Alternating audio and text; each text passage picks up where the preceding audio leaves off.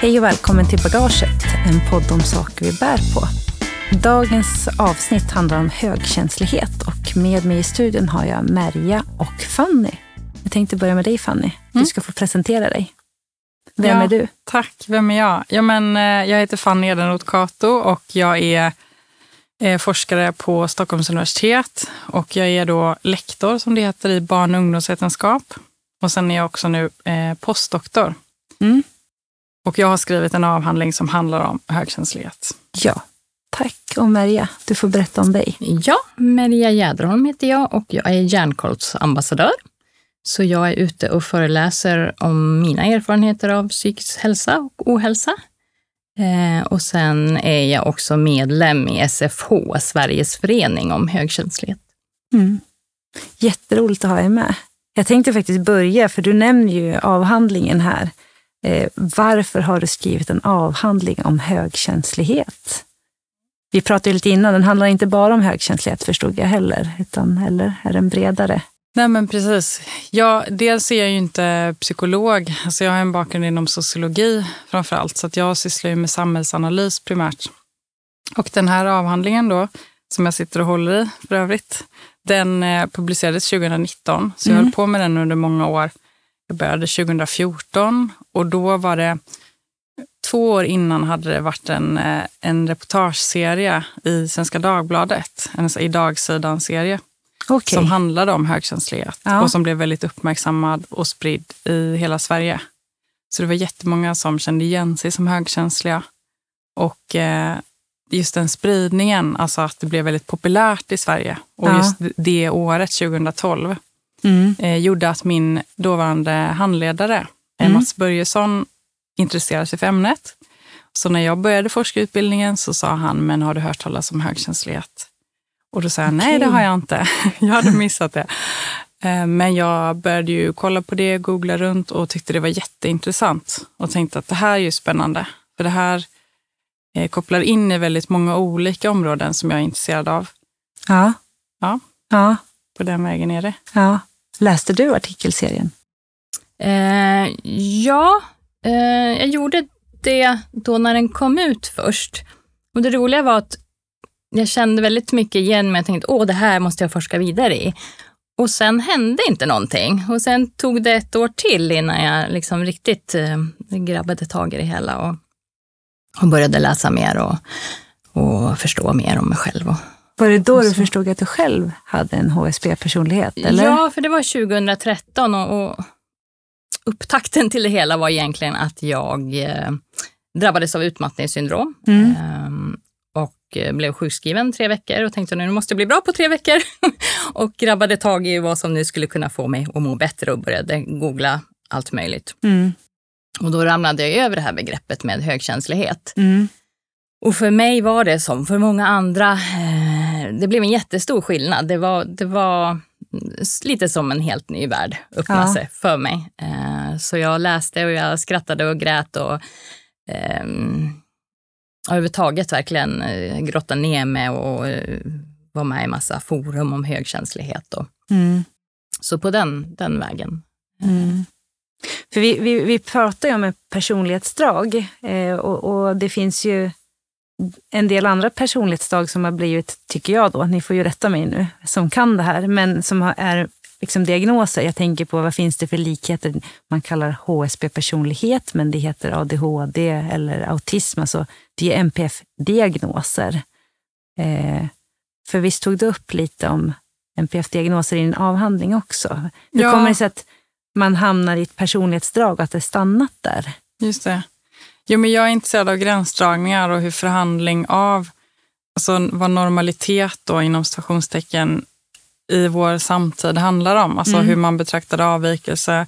Vad är någonting när det betraktas som eh, eh, funktionsnedsatt eller när blir något går från ohälsa till sjukt. Alltså hur, hur vi hela tiden sätter liksom eh, vi använder massa olika begrepp för att Ja. förklara olika tillstånd. Och det här med personlighetsdrag, tänker jag, Elaine Aron då, som är upphovsmakare till det här begreppet, hon menar ju på att den distinktionen är viktig för att en klinisk diagnos är ju någonting som handlar väldigt mycket om hur man ska hantera svårigheter på olika sätt. Mm. Medan ett personlighetsdrag handlar framförallt om att lyfta då eh, förmågor och egenskaper som någonting väldigt positivt. Mm. Alltså att man eh, också jobbar mer med att belysa det här som okej, okay, men vad kan omgivningen göra för att bemöta den högkänsliga eh, personen?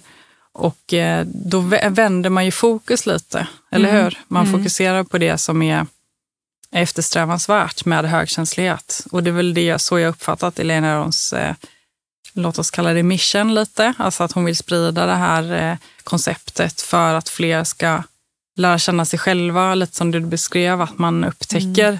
sin högkänslighet på något sätt. Och då också få förklaring eller svar på kanske varför man har upplevt saker på ett visst sätt. Eller så mm. det, det, handlar ju avhandlingen ja. en del om och så. Ja. Alltså den typen av berättelser har jag studerat. Ja. Hur tänker du där, Maria? Som sitter med ett personlighetsdrag. ja, men för mig handlar det lite, nu är inte jag så jätteinsatt i hur liksom, vad är diagnos, hur, vad Nej, kännetecknar en diagnos så. Men för mig blir det att, men, men då är det ju någonting som behöver behandlas, att man har en svårighet. Mm. Och för mig blir det då att vad är det i högkänsligheten som ska behandlas? Ja. för om, om, vi tittar på de kännetecknande dragen då, som dels är det djupa bearbetandet, ja. eh, att vi tar in mycket intryck och, och processar det. Mm. Vad ska vi behandla där? Alltså mm. för mig är det en fördel att, mm. att kunna bearbeta och ta mm. in mycket intryck. Mm. Och likadant med den emotionella mottagligheten där och att vi har empati för andra. Vad ska vi behandla där? Ja. och, eh, och det är fyra kriterier som um, kännetecknar högkänslighet och de kan beskrivas som DOES. Då. Så första D var ju det här djupa bearbetandet som jag pratade mm. om. Eh, och sen det emotionella. Och SS står då för det subtila, att vi tar in de små subtila signalerna. Mm. Och det är också där, vad ska behandlas där? Mm. så är liksom min tanke. Sen det som kanske då man behöver ta lite extra hand om är det här O i DOS eh, ah. som står för overstimulation. Att när man tar in mycket intryck så kan man lättare bli överstimulerad. Ja. Men så för mig handlar mycket det här när man pratar om diagnos, att jag vet vad, vad är det vi ska behandla. Ja. Eh, så ser jag på det lite kort. Då. Ja, precis. Och då passar personlighetsdrag ja, bättre in. Precis. Men jag tänker när du beskriver det, den här DOS, DOES, eh, att eh, det är ändå saker som du är medveten om där du kanske behöver agera på ett visst sätt. För du pratar också om utmattning. Mm, att mm. Eh, kan medvetenheten göra att du idag agerar annorlunda i livet när det gäller återhämtning eller?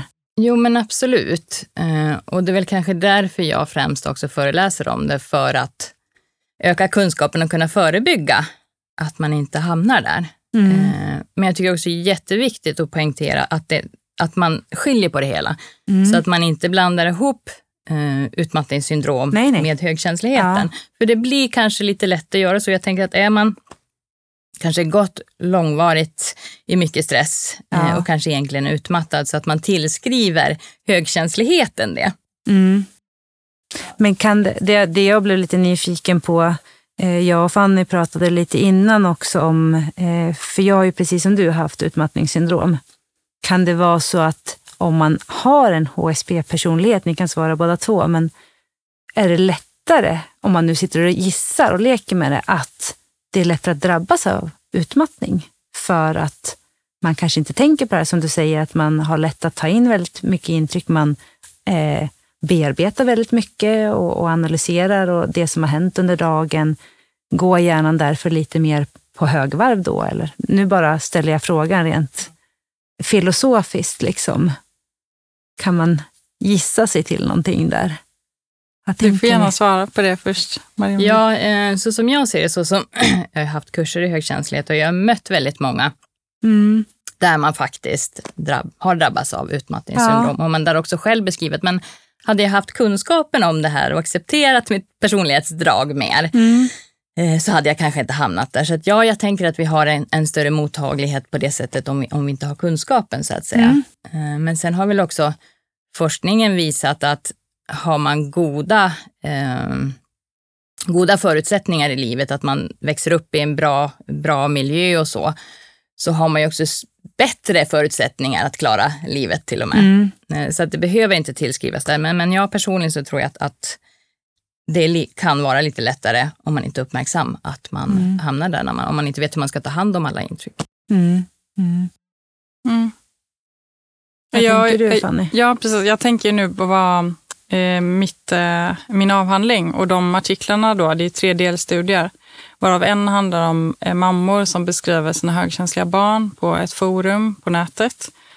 Och det handlar också ganska mycket om att, alltså att de resonerar kring sin egna högkänslighet och det du sa nu, alltså det här med gränssättande eller liksom, nu handlar den också om föräldraskap en hel del och normer kring som hur man är en bra förälder och ser till sitt barns behov och lär känna barnet. Som nu pratar de om spädbarn eller små mm. barn, toddlers.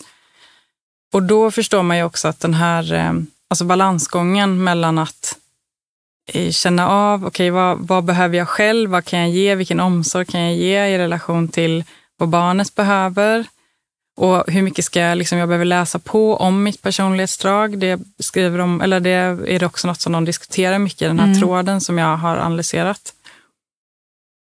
Jag har också kollat på ungdomar, hur de resonerar kring det här och då handlar det rätt mycket om att försöka förstå liksom, vad är högkänslighet i relation till typ ens egna styrkor och svagheter i olika forum. Då. Mm. Och då blir det väldigt mycket en diskussion om Alltså hur kan man typ inom stationstecken bevisa att man är högkänslig? Alltså vad är, vad är det för ny eh, terminologi? Liksom? Att prata om sig själv som högkänslig om man jämför då med eh, andra eh, sociala kategorier som jag väljer att kalla dem. Inte, inte bara diagnoser då nej, eller andra nej. personlighetsdrag. Mm. Men ehm, jag har också i den tredje studien skrivit om barnböcker där de analyserar, eller där jag analyserar eh, flickor och hur de framställs i barnböcker som har NPF-diagnoser och högkänslighet. Mm. Så att jag, eh, frågan handlade specifikt om, om du vill ta det igen Louise?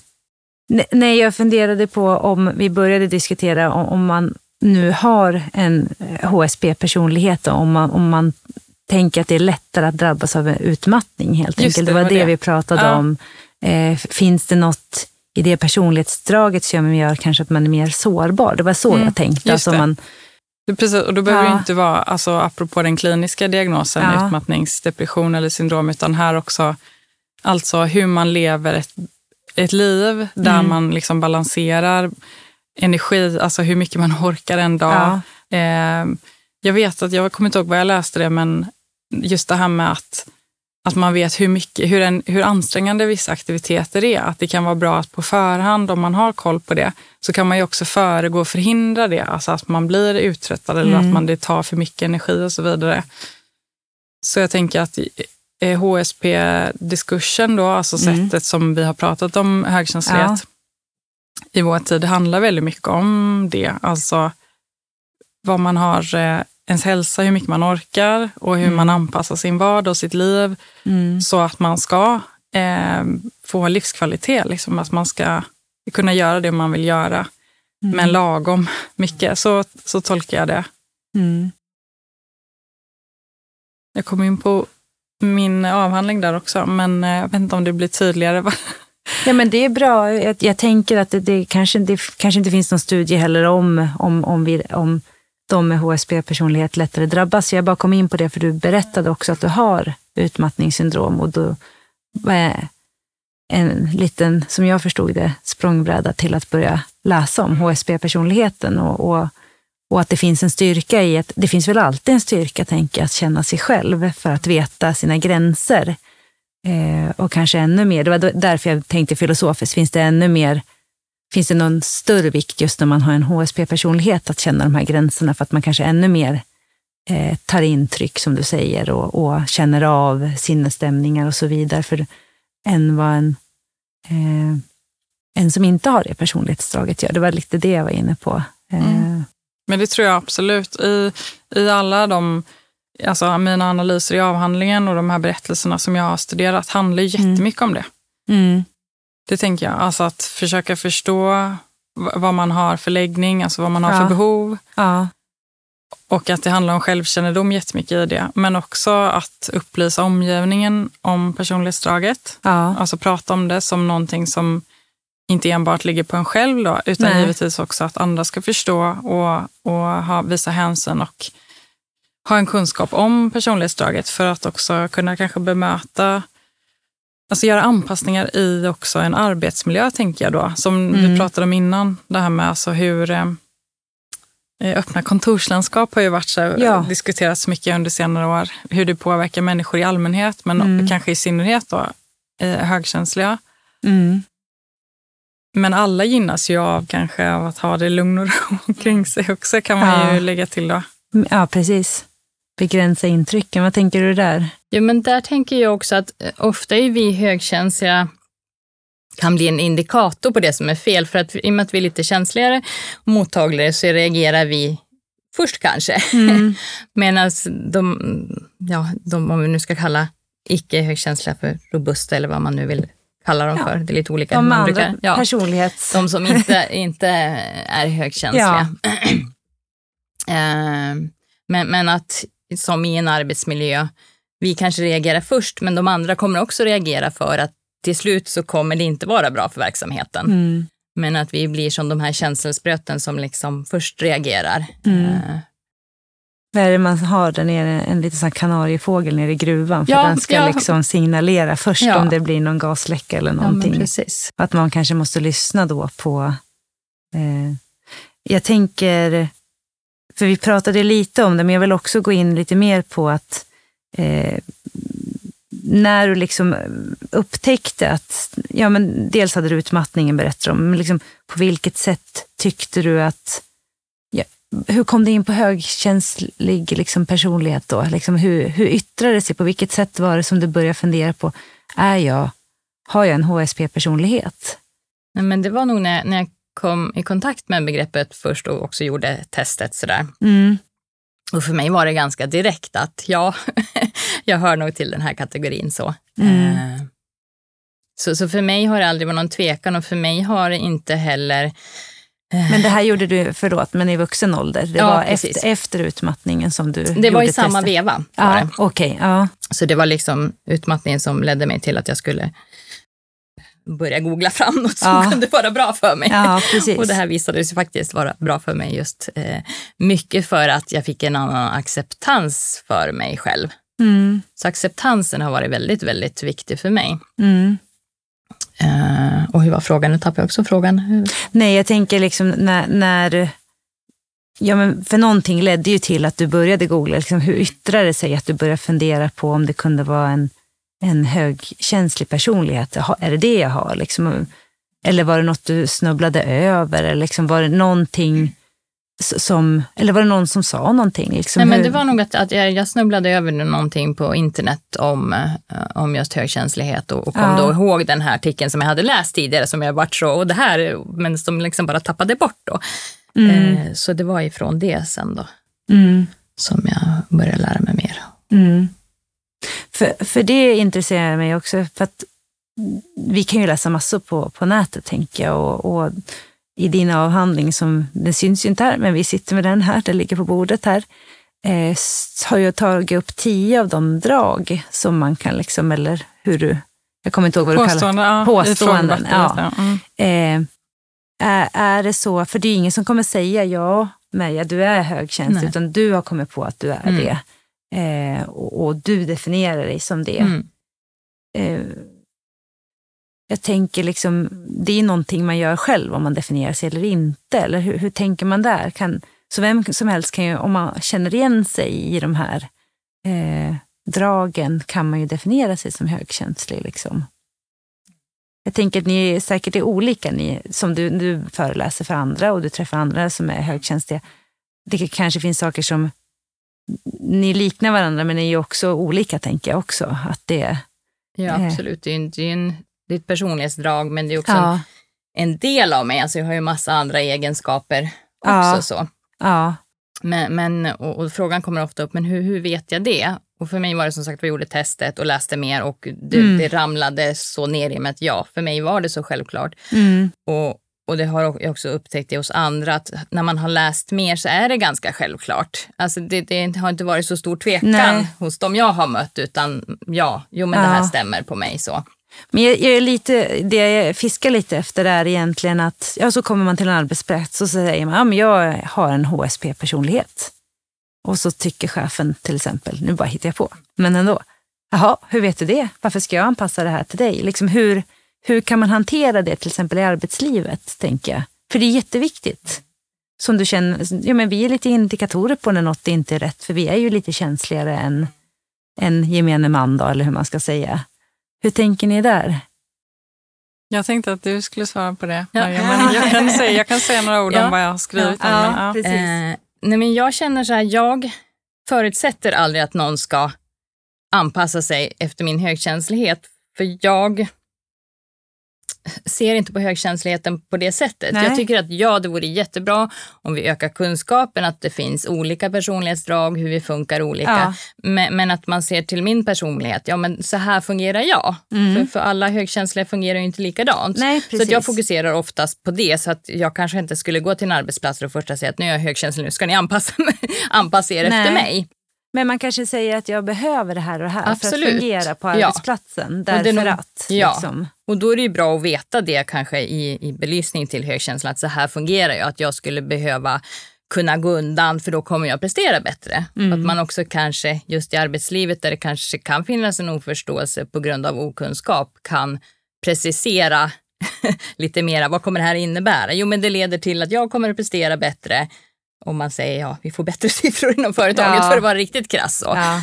Eh, att man kanske lägger fram det på det sättet än att Åh, jag är högkänslig, nu, nu måste ni anpassa er efter mig. Ja. För, för så ser jag liksom inte riktigt själv. Men, men med ökad kunskap och överhuvudtaget eh, ökad kunskap om bemötande av, av människors olikheter. Mm. Eh, det önskar jag mig i arbetslivet. Mm. Mm. Mm. Ja, men jag, jag tänker att alltså det som jag har skrivit om handlar ju också rätt mycket om att undersöka hur alltså trovärdighetsskapande, alltså hur man pratar om sig själv som en viss typ av, liksom, ett, ha det här personlighetsdraget. Men det är ju inte, alltså i materialet kan man se att det är också omtvistat. Alltså att det, det är ett ganska nytt koncept ju. Och det, har inte, det finns inte jättemycket forskning heller, Nej, eller gjorde okej. inte då i alla fall. Ja. Och det gjorde att man ännu mer kanske behövde förklara då också upplysa andra om vad det, vad det innebär, som du är inne på där. Att det å ena sidan är en grej, men sen kanske man också man kan ju bli undergrävd med, vilket jag har sett i, i vissa forum där det blir som att jaha, eh, ska du komma och säga nu att du tillhör den här gruppen eller att du, alltså, eh, ja, vill, som du sa där, ska vi anpassa, anpassa oss till er? Alltså, Mm. alltså att det blir lite det här eh, identitetspolitiska. Som Mm. jag också tänkt att det kan man ju se i, i diagnos, alltså diskurser också. Mm. Eh, när det är alltså, aktivistisk forskning som handlar ganska mycket om att så här, vi måste prata om det, vi måste prata om våra olikheter, Ja. men det är inte alltid lätt att göra det eller att vara öppen med det. Nej. Och det är väl också en diskussionsfråga, så här, eh, vad händer om man nu säger att man är högkänslig? Blir man tagen på allvar? Mm. Eller blir man istället ifrågasatt? Alltså att Mm. det här... eh, Nu hoppas jag att det är annorlunda idag kanske, men när jag skrev avhandlingen så var ju det fortfarande någonting ganska nytt. Så att det var mycket reaktioner och det kanske det är fortfarande.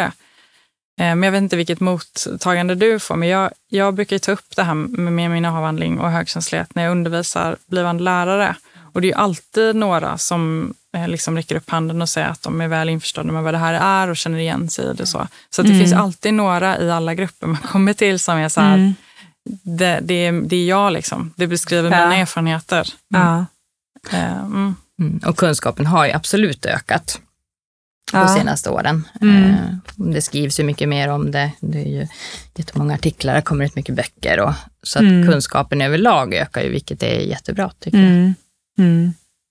Ja, precis, för har man kunskap också så kanske man ställer bättre frågor och lyssnar på ett annat sätt när någon kommer i rummet och berättar hur den, oavsett om man är högkänslig eller inte, liksom att man behöver vissa anpassningar, tänker jag.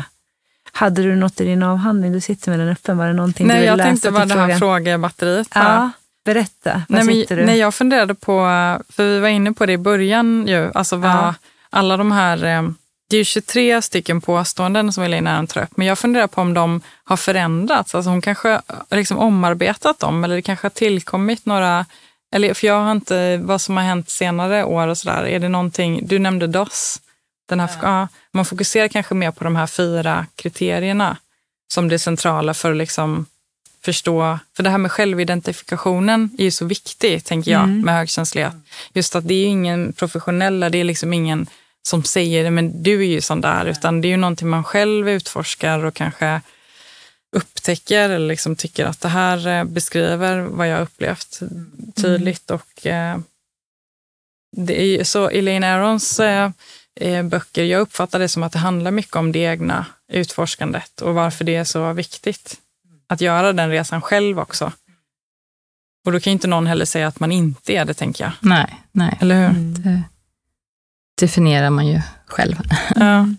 För du pratade om ett frågebatteri på 23 Mm. frågor och du Mm. pratade om att ja, men jag fyllde i frågor och då såg jag att vad är det för frågor liksom, kan ni bjuda på några bara så att det, du har ju fyllt i någonting som, gör, som indikerade på att ja men, ja, Ja, absolut. Nu För har du inte jag pratar om- frågorna Nej, kan- precis. Du Nej. Jag kan kolla hade... på sidan fem där. ja, men de, för de är, den här är ju taget från 2019 på en sajt. Ja, HSP-tester på vetenskaplig grund. Mm, Så det handlar om alltså information om högkänslighet och mm, de här är då översatta till svenska. mm. Men när ni svarar på, hur går det till när man svarar? Svarar man ja eller nej på frågorna? Eller vad, vad är det? det är bara intressant att veta liksom, för den som kanske är ny i ämnet och sitter och lyssnar. Eller, eller hur, hur går det liksom till när man... Jo, men precis. Och här, är- här ser jag nu att det är, det är tio frågor. Jag tror att hennes grund är nästan 30 frågor. Tror jag. Eh, Och det är ju frågor av lite olika karaktär då. Ja, Ehm, Och och man svarar då ja eller nej. ja om man, okej. om man, Stämmer det här ja, på dig? precis, ja, eller ja. stämmer det inte? Nej. Precis. Är det så man liksom utgår från Som frågorna? första frågan här Ja. då som är i din avhandling här som du har tagit upp, eh, jag tror från Grutenius Mm. test där ser jag, Mm. eh, som han har på sin sida. Eh, Jag lägger märke till subtila, fina och hårfina, nästan omärkliga detaljer i min omgivning. Mm. Ja, jag gör det. Eller Ja. nej, jag gör Ja, inte det då. precis. Ja. Mm. Och så antar jag att man svarar förmodligen inte ja på allting. Av de här man? 30, eller gör man det? Det finns säkert de som gör det. Jag, svarar ju, jag har ju ganska höga poäng på nästan allting. Så. Ja, Men, och jag har, det, det är lite roligt, jag har ju nästan tänkt, jag, i- när jag hade kurser tidigare så hade jag jättefint en, en man som inte var högkänslig, så det var jättefint. Han, han bidrog till en väldigt bra dynamik i gruppen. Och han hade bara rätt på två eller något, eller rätt ska jag inte säga. Nej. han hade svarat ja på två Ja, stycken. ja. Och jag tänkte, är det möjligt? Ja. Just de här frågorna ställda på det sättet att ja, men givetvis finns det eh, delar av det här som liksom stämmer in på, på eh, alla slags personligheter. Så. mm, Men jag trodde inte att det var möjligt att man hade klickat ja på, på så få. mm. Eh, Att man kunde hitta liksom två i den här. du tänker att man och hittar fler. När man ser då skillnaden från, jag är som ja men det där stämmer, det där stämmer, det där stämmer. Ja. Ja. Nej, men Bara för en liten parentes. Ja, Mm. nej, men jag kan ju känna igen mig i några där. Vi satt och tittade på dem lite här innan vi klev in i studion och det, det, det finns absolut saker jag skulle svara ja på. Ja, så. Vi pratar ju väldigt mycket om att man kan ha olika personligheter och, och, och forskningen har gått framåt. Det kommer mer artiklar säger du Merja och sådär. Och, och du tänker också att den har gått framåt Fanny. Eh, är högkänslighet någonting som kan liksom bry, bryta ny mark för hur vi får vara som människor? Kan det liksom leda någon... Ja. Jag tänker att den här forskningen, kan, vad kan det göra med samhället egentligen? Och, och med arbetsplatser eller skolor? Eller liksom, Du kan få ta den bollen först.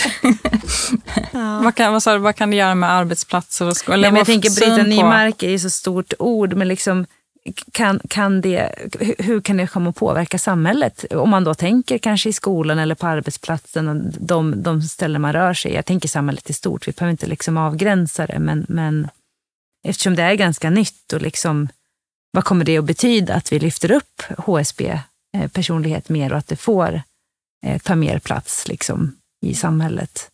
Jo, men eh, några saker som jag har reflekterat kring är väl att det, alltså det finns en civilisationskritik i det här också. Alltså, man påtalar, okej, okay, vi har massa förutfattade meningar om känslighet och har haft i alla tider och de är könade, alltså det har att göra med alltså föreställningar om manligt och kvinnligt. Ja. Alltså, det finns väldigt mycket eh, normer och värderingar kring eh, känslighet.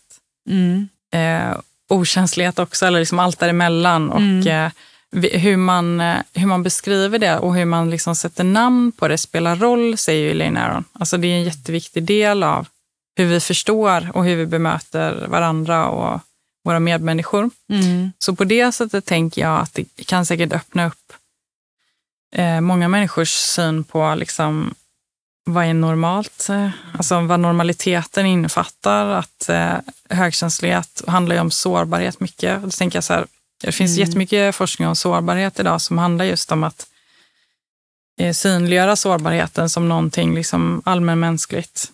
Alltså att vi, vi måste ha med det i våra relationer på arbetsplatserna, i skolan och så vidare. Mm. Vi kan inte komma ifrån det faktum. Liksom. Och eh, på det sättet är det ju en, en, liksom en viktig, ett viktigt perspektiv som kanske har saknats helt enkelt. Mm. Och att det har mer, som vi pratade om innan lite Louise, att det här mm. med eh, alla hjärnor så att säga behövs, alltså alla olikheter som du också mm. var inne på Maria, att det, att det finns något väldigt värdefullt i det, att liksom se på skillnader och olikhet som något berikande. Liksom. Mm. Ja, men det är ju värdefullt och då måste vi också se hur, hur hittar vi, alltså tar vi tillvara på de olikheterna? Gör vi det? Eller jag tycker inte riktigt det kanske idag, att man, mm, risken finns att man på något sätt, vi, jag tänker i skolan där jag har jobbat, att man, ja men där ska alla vara på ett sätt. Liksom. Hur, hur kan man ta tillvara på olikheten? Att att vi är olika och se det som en styrka. Hur kan man tänka där? Mm.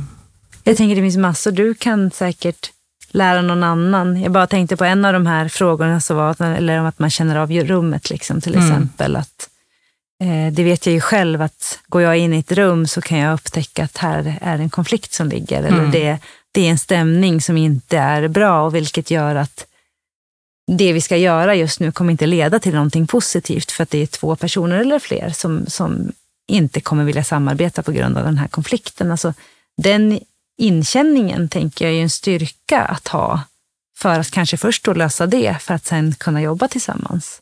Jag vet inte, men att man, man, man behöver titta på, liksom, som du säger också, att det är personlighetsdrag för att det är inget, det är någonting som är positivt och som kommer det rätt in så är det en styrka i olika sammanhang. Och det är ju du också inne på, att vi tar tillvara liksom våra olikheter.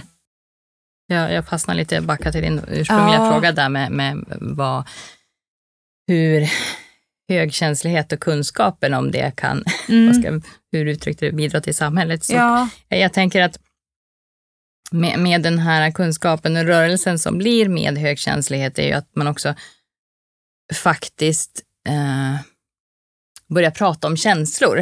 Ja. Dels känslor och känslighet. Mm. Och det tänker jag, eh, kanske inte enbart, jo men för mig tycker jag att det enbart kan leda till något positivt. Att vi mm. faktiskt öppnar upp kring det och kring känslighet. Mm. Och, och jag vill gärna, jag tycker om ordet känslig.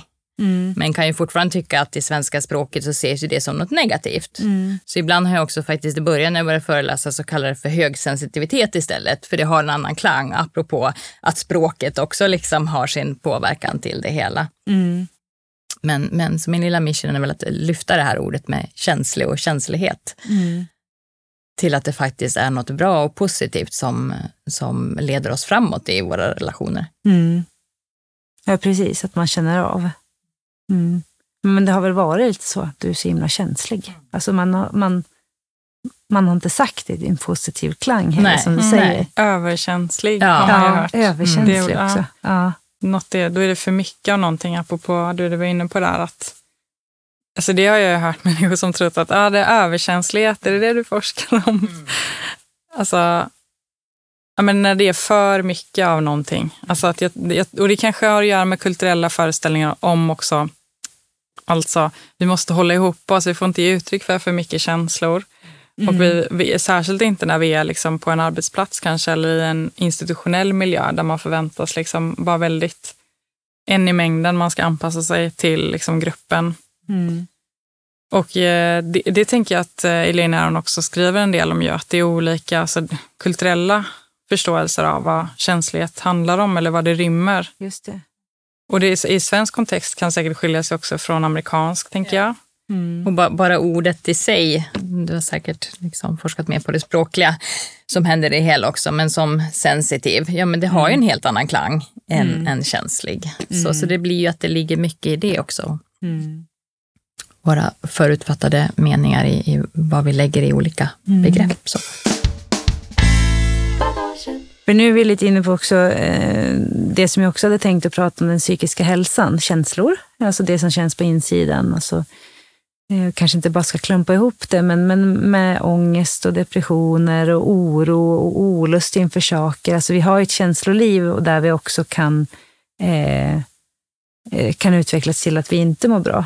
Eh, Maria, du föreläser ju också för att vi ska prata och liksom mm. öppna upp för samtal om mm. hur vi känner på insidan.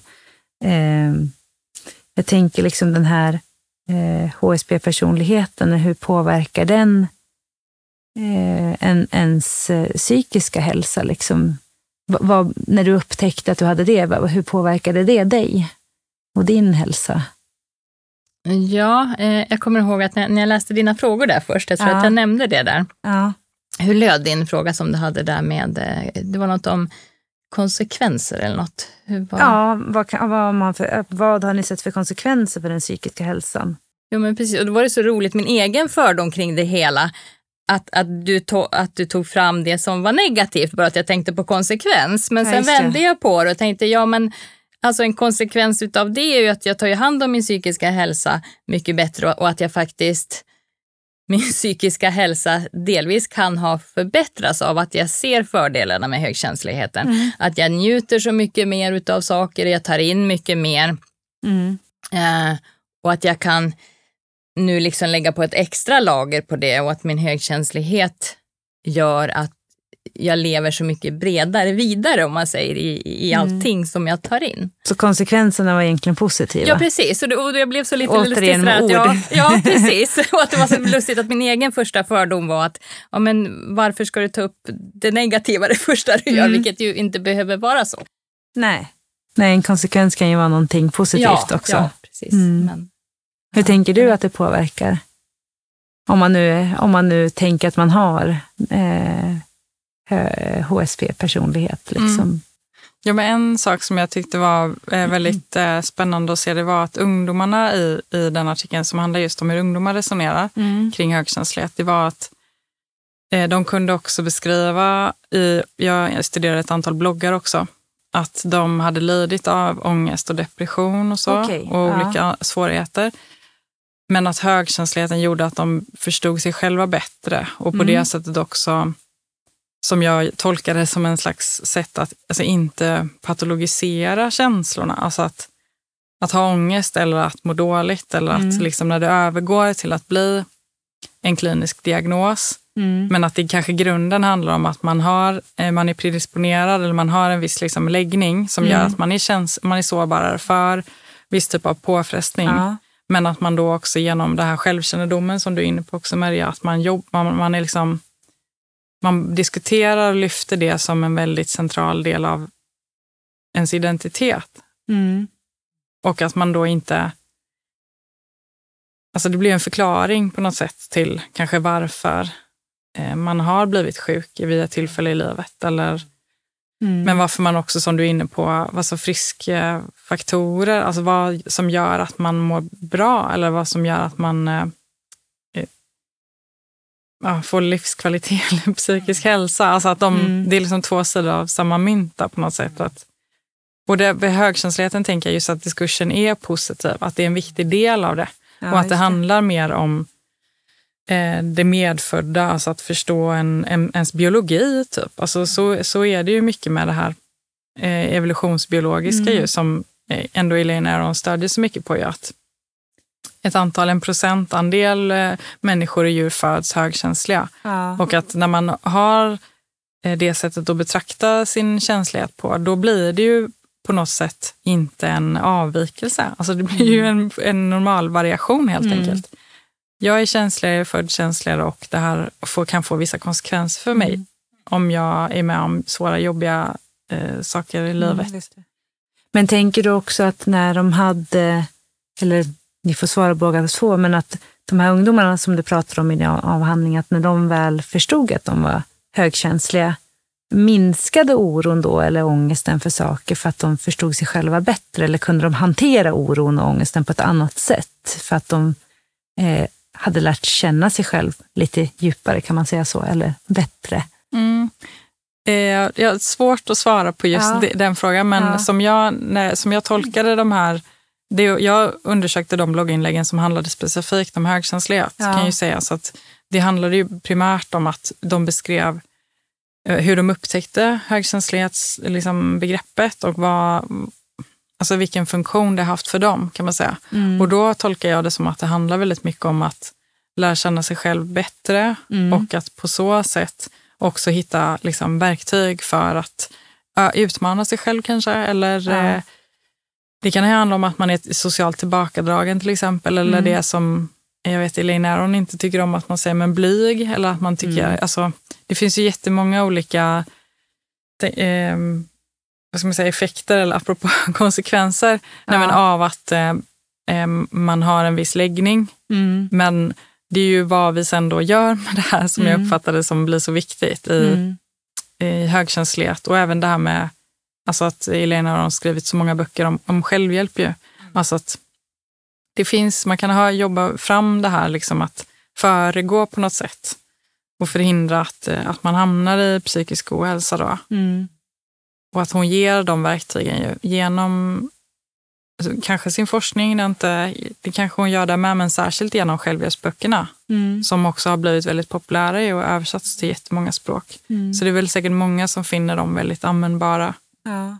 Och de, precis som testen, har ju spridits. Det här är ju Grutenius hänvisat till i min avhandling, men jag Mm. menar, det finns ju, man kan hitta dem på otal platser och Ja. i jättemånga olika format, liksom kortare och det finns ju, ja, jag vet inte.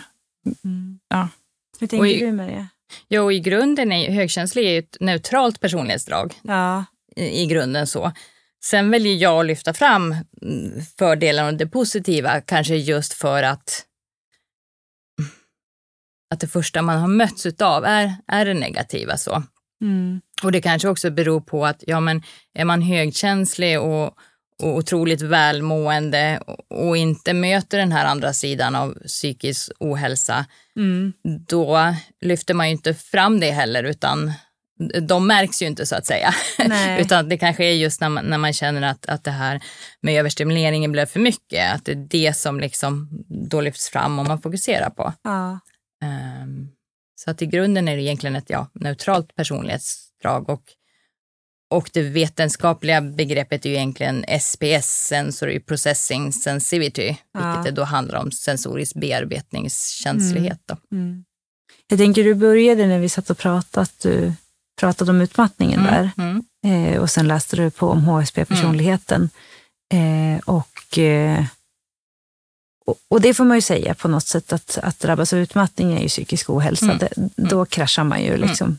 Eh, känner du att sen när du har tagit del av att jaha, okej, så här är jag, Mm. så här är min person. Har det hjälpt dig att, att hålla dig på rätt sida om, om stress och utmattning? Jo, men absolut. Sen har väl jag kanske som grunden i min personlighet en sårbarhet för det, vilket Mm. jag, jag kan inte utröna om det hör till högkänsligheten eller att det är en del utav mig. så. ja. Men jag har ju blivit så varse om att för mig som är så pass mottaglig eh, blir det extra viktigt att ta hand om mig. Det är Mm. viktigt för alla att ta hand om sin hälsa och kost och träning. Ja. Men för mig blir det på en nivå högre. Så Mm. att jag är mer uppmärksam på det. Det är inte alltid jag klarar av att, att vara på den nivån jag önskar. Men, men bara den insikten hjälper ju mig faktiskt. Mm. Jag vet, vi har pratat om förut till exempel, eh, man, man kan känna av när det blir mörkt och kallt och trist. Mm. Och du har ju strategier också för Mm. att, är det något du vill dela med dig av, liksom dina strategier för, för Ja, hur, det- det väl hur du det tar hand om dig? Så som, som jag ser det nu, tidigare försökte jag väl pressa in mig i en mall. Ja. Eh, utav, och här återigen vet jag inte riktigt, min energinivå upplever jag är inte lika hög som andras. Alltså jag behöver sova mer än vad Mm. andra gör. Mm. Om man nu ska jämföra. Och det vet ju inte jag om det hör till högkänsligheten eller inte, så det spelar inte så stor roll. Men bara att bli varse om det och att faktiskt högkänsligheten i sig och vad det innebär lär ju mig att titta på andra sidor hos mig. Sen spelar inte det så stor roll vad det hör till. Mm. Men det blir ju liksom en inkörsport till att titta på olika saker. Och tidigare liksom försökte jag pressa in mig till att orka så mycket som om jag jämförde med någon annan. Mm. Och nu inser att nej, utan jag behöver ju anpassa mitt liv efter det som passar mig. För Mm. att jag kommer inte kunna köra huvudet i väggen hela tiden och bli någon annan. Så att då får jag hitta andra vägar. Mm. Och jag då som har en känslighet för kyla och mörker, eh, inte alls trivs i Sverige, får ju börja titta på lösningar. Men hur kan jag lösa det? Ja, men då kanske jag nu har börjat försöka skapa mig till att vara halvåret på en varmare plats. Mm. För att få det att fungera, Mm. helt enkelt. Mm. Och det är en strategi för att... Ja, istället för Hålla. att slå på mig själv och försöka Ja. pressa in mig i någonting som inte passar så hittar jag andra vägar Mm. istället. Det blir liksom mm, mitt sätt och strategi och det, det är väl kanske hjälpsamt om man liksom ser det på det sättet. Mm. Mm. Finns det någonting i avhandlingen där, där andra personer lyfter fram strategier eller verktyg för att eh, eller tips bara, liksom så här, så här gör jag för att hålla eller eh, ta hand om mig på ett visst sätt. Kanske. Ja, kanske inte specifikt i det materialet som jag har studerat, men eh, de mammor som beskriver alltså hur de hanterar sina barn i vardagen, alltså väldigt så praktiskt. Mm. Där kan man ju ändå förstå att, så att inte bara förstå sitt barn, alltså genom att observera barnets behov, utan också sina egna. Alltså jag tänker så att relationen mellan förälder och barn Mm. Okej, nu, nu tar jag upp det i kontexten av att okej, i, i Sverige idag så råder ganska liksom, intensiva föräldraskapsnormer där man ska vara väldigt fokuserad på barnets behov. Mm. Men eh, då visar jag på att okej, men här ser vi ju tydligt att det handlar lika mycket om hur mammans behov i relation till barnets och Mm. den här liksom växelverkande samspelet mellan dem. Mm.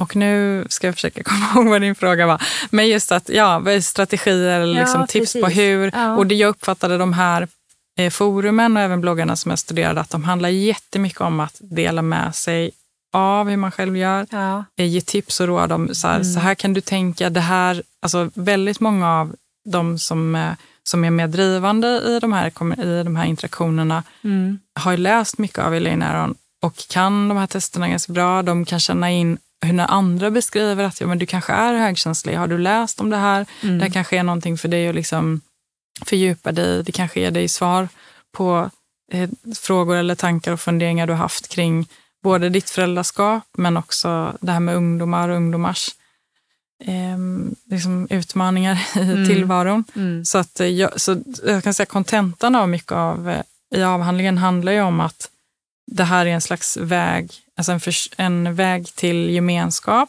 men Mm. också förståelse. Mm. Att de här typen av liksom interaktioner handlar om det. Och som du är inne på, alltså det finns ju jättemånga konstellationer i Sverige, alltså, det riks, eh, alltså både rikstäckande men också i regionalt, där högkänsliga träffas och pratar. Mm. Och jag tror- att de eh, sammanhangen kan vara jätteviktiga, och Ja. online inte minst, som det Ja. jag har studerat. Ja. Eh, Så att det i sig, så tänker jag väl, bidrar mycket till att eh, alltså etablera en sån, det är en form av tryggt rum också. Alltså att när man är precis. med andra högkänsliga Ja. som också beskriver hur de har det. Och, Ja, men jag tänker Mm. man, man känner en gemenskap, man känner sig inte ensam. Det är, det är fler som fungerar som jag. Vi, vi kan utbyta tips och idéer. Mm. Oh ja, för det har varit en jättestor del eh, i min resa att lära känna mig själv.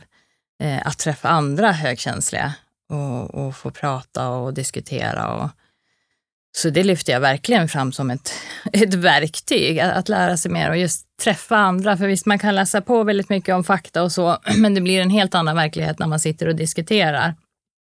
Också känner förståelsen och gemenskapen utav andra som, som fungerar på liknande sätt som, man, som man själv. Mm. Jag tänker på det nu, i podden så har vi träffat många olika, men man landar ofta i att man behöver eh, känna att ja, men jag är inte ensam, det finns andra som mig. Och det är väldigt, väldigt viktigt i den här, eh, ja men det finns fler som, som fungerar som jag och det är en trygghet och, och, och eh, även liksom för verksamheten NSPO och Hjärnkoll här i Västmanland att just dela med sig av sina egna erfarenheter, sin egen upplevelse. Precis som du är inne på Maria, blir en styrka till forskning eller studier som görs. För att, jaha, har hon också testat det? För att hon började läsa om det här. Men då kanske jag också vågar. För det verkar ha funkat, den strategin. Är det någonting mer ni vill dela med er av till de som lyssnar? Är det någonting vi, ett ämne som vi har missat som vi borde ha pratat om när det gäller högkänslighet? Som vi inte nämnde nu? Eller har vi varit inne på det mesta? Och svår fråga, det finns så Ja. mycket. så det blir så här, oh, men, Ja. vad, mer, men vad mer ska vi ta upp? Ja. Kommer du på något så här, Fanny, får jag fundera en stund? mm. Jag vet faktiskt inte vad det skulle kunna vara. Vi har ändå berört ganska många ja. saker under det här samtalet. Mm. Jag kan tipsa om eh, att man kan läsa delar av avhandlingen. Ja. Go- alltså det, om man googlar mitt namn eller jag kan, ni kanske kan få en länk bara till Ja. kappan. För det är ju liksom en sammanfattning kan man säga Mm. av avhandlingen. Mm. Och sen är det tre eh, vetenskapliga artiklar och de är liksom publicerade på andra håll. Så att Mm. de, eh, de får man ha sånt här inloggning på något universitet. Men för det finns åt. delar man kan ta del av i varje fall. Ja, precis. Ja. Och det, är ju liksom en överblick också, eller så sammanfattning av studierna. Mm. Men lite mer, alltså om man sätter det i, i, som i samhällskontext. Så här, Mm. Varför just nu? Så här, varför pratar vi mycket om högkänslighet? Mm. Och hur då kan man förstå det i relation till alltså andra sätt att prata om eh, sensibilitet eller sensitivitet och Mm. som nära besläktade begrepp. Mm.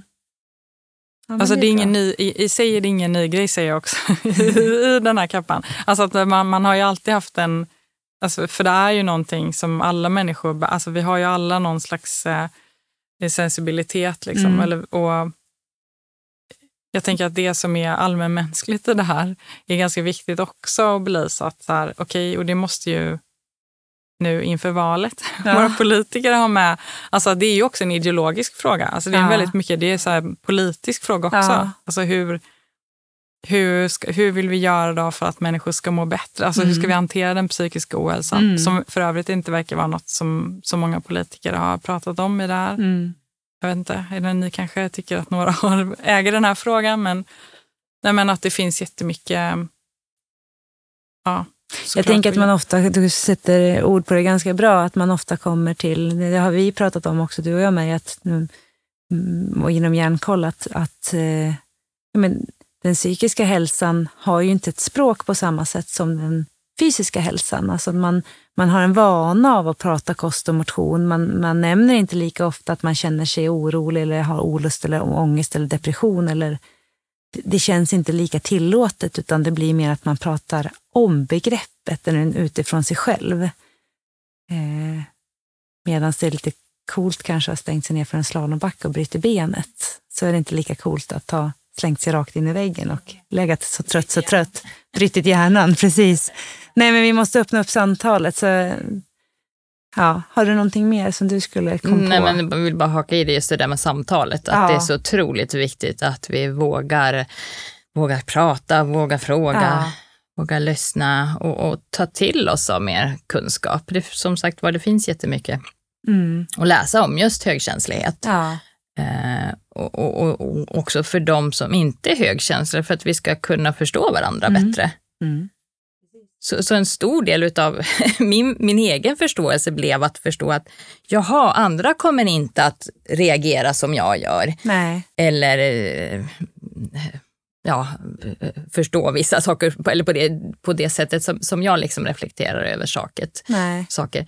Eh, så det var en stor del, för jag tänkte att ja, men, när jag jämförde med vissa av mina här, jag tänkte att ja, men bara de är lugna och avslappnade, då kommer de också att liksom få det här djupet och verkligen eh, ta in de här intrycken på samma sätt som jag gör. Mm. Men att förstå att nej, men vi är lite olika där. Mm. Eh, och jag kan vara den som belyser saker och de märker det, men, men att det inte finns automatiskt. Och att förstå det, att jaha, jag, jag trodde liksom att ja, men, jag var väl fördomsfull mot mig själv och alla andra. Att ja, men någonstans finns det väl här hos alla, Mm. men att det inte, inte i samma grad. Liksom. Att, och att förstå det gör ju mycket. Eh, Men, men att vi förstår varandras likheter och olikheter och prata om, om vi inte pratar om det så, så Så kommer vi aldrig skapa ett språk heller för det, det inre. Eh, Så kunskap, lära, lära sig mer Ja. är absolut ett stort tips.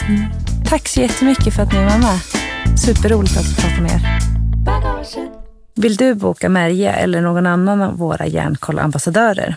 Gå då in på vastmaland.jarnkoll.se. Här kan du läsa mer om alla våra kunniga och engagerade ambassadörer som öppnar upp till samtal genom att de berättar om sina egna erfarenheter av psykisk ohälsa.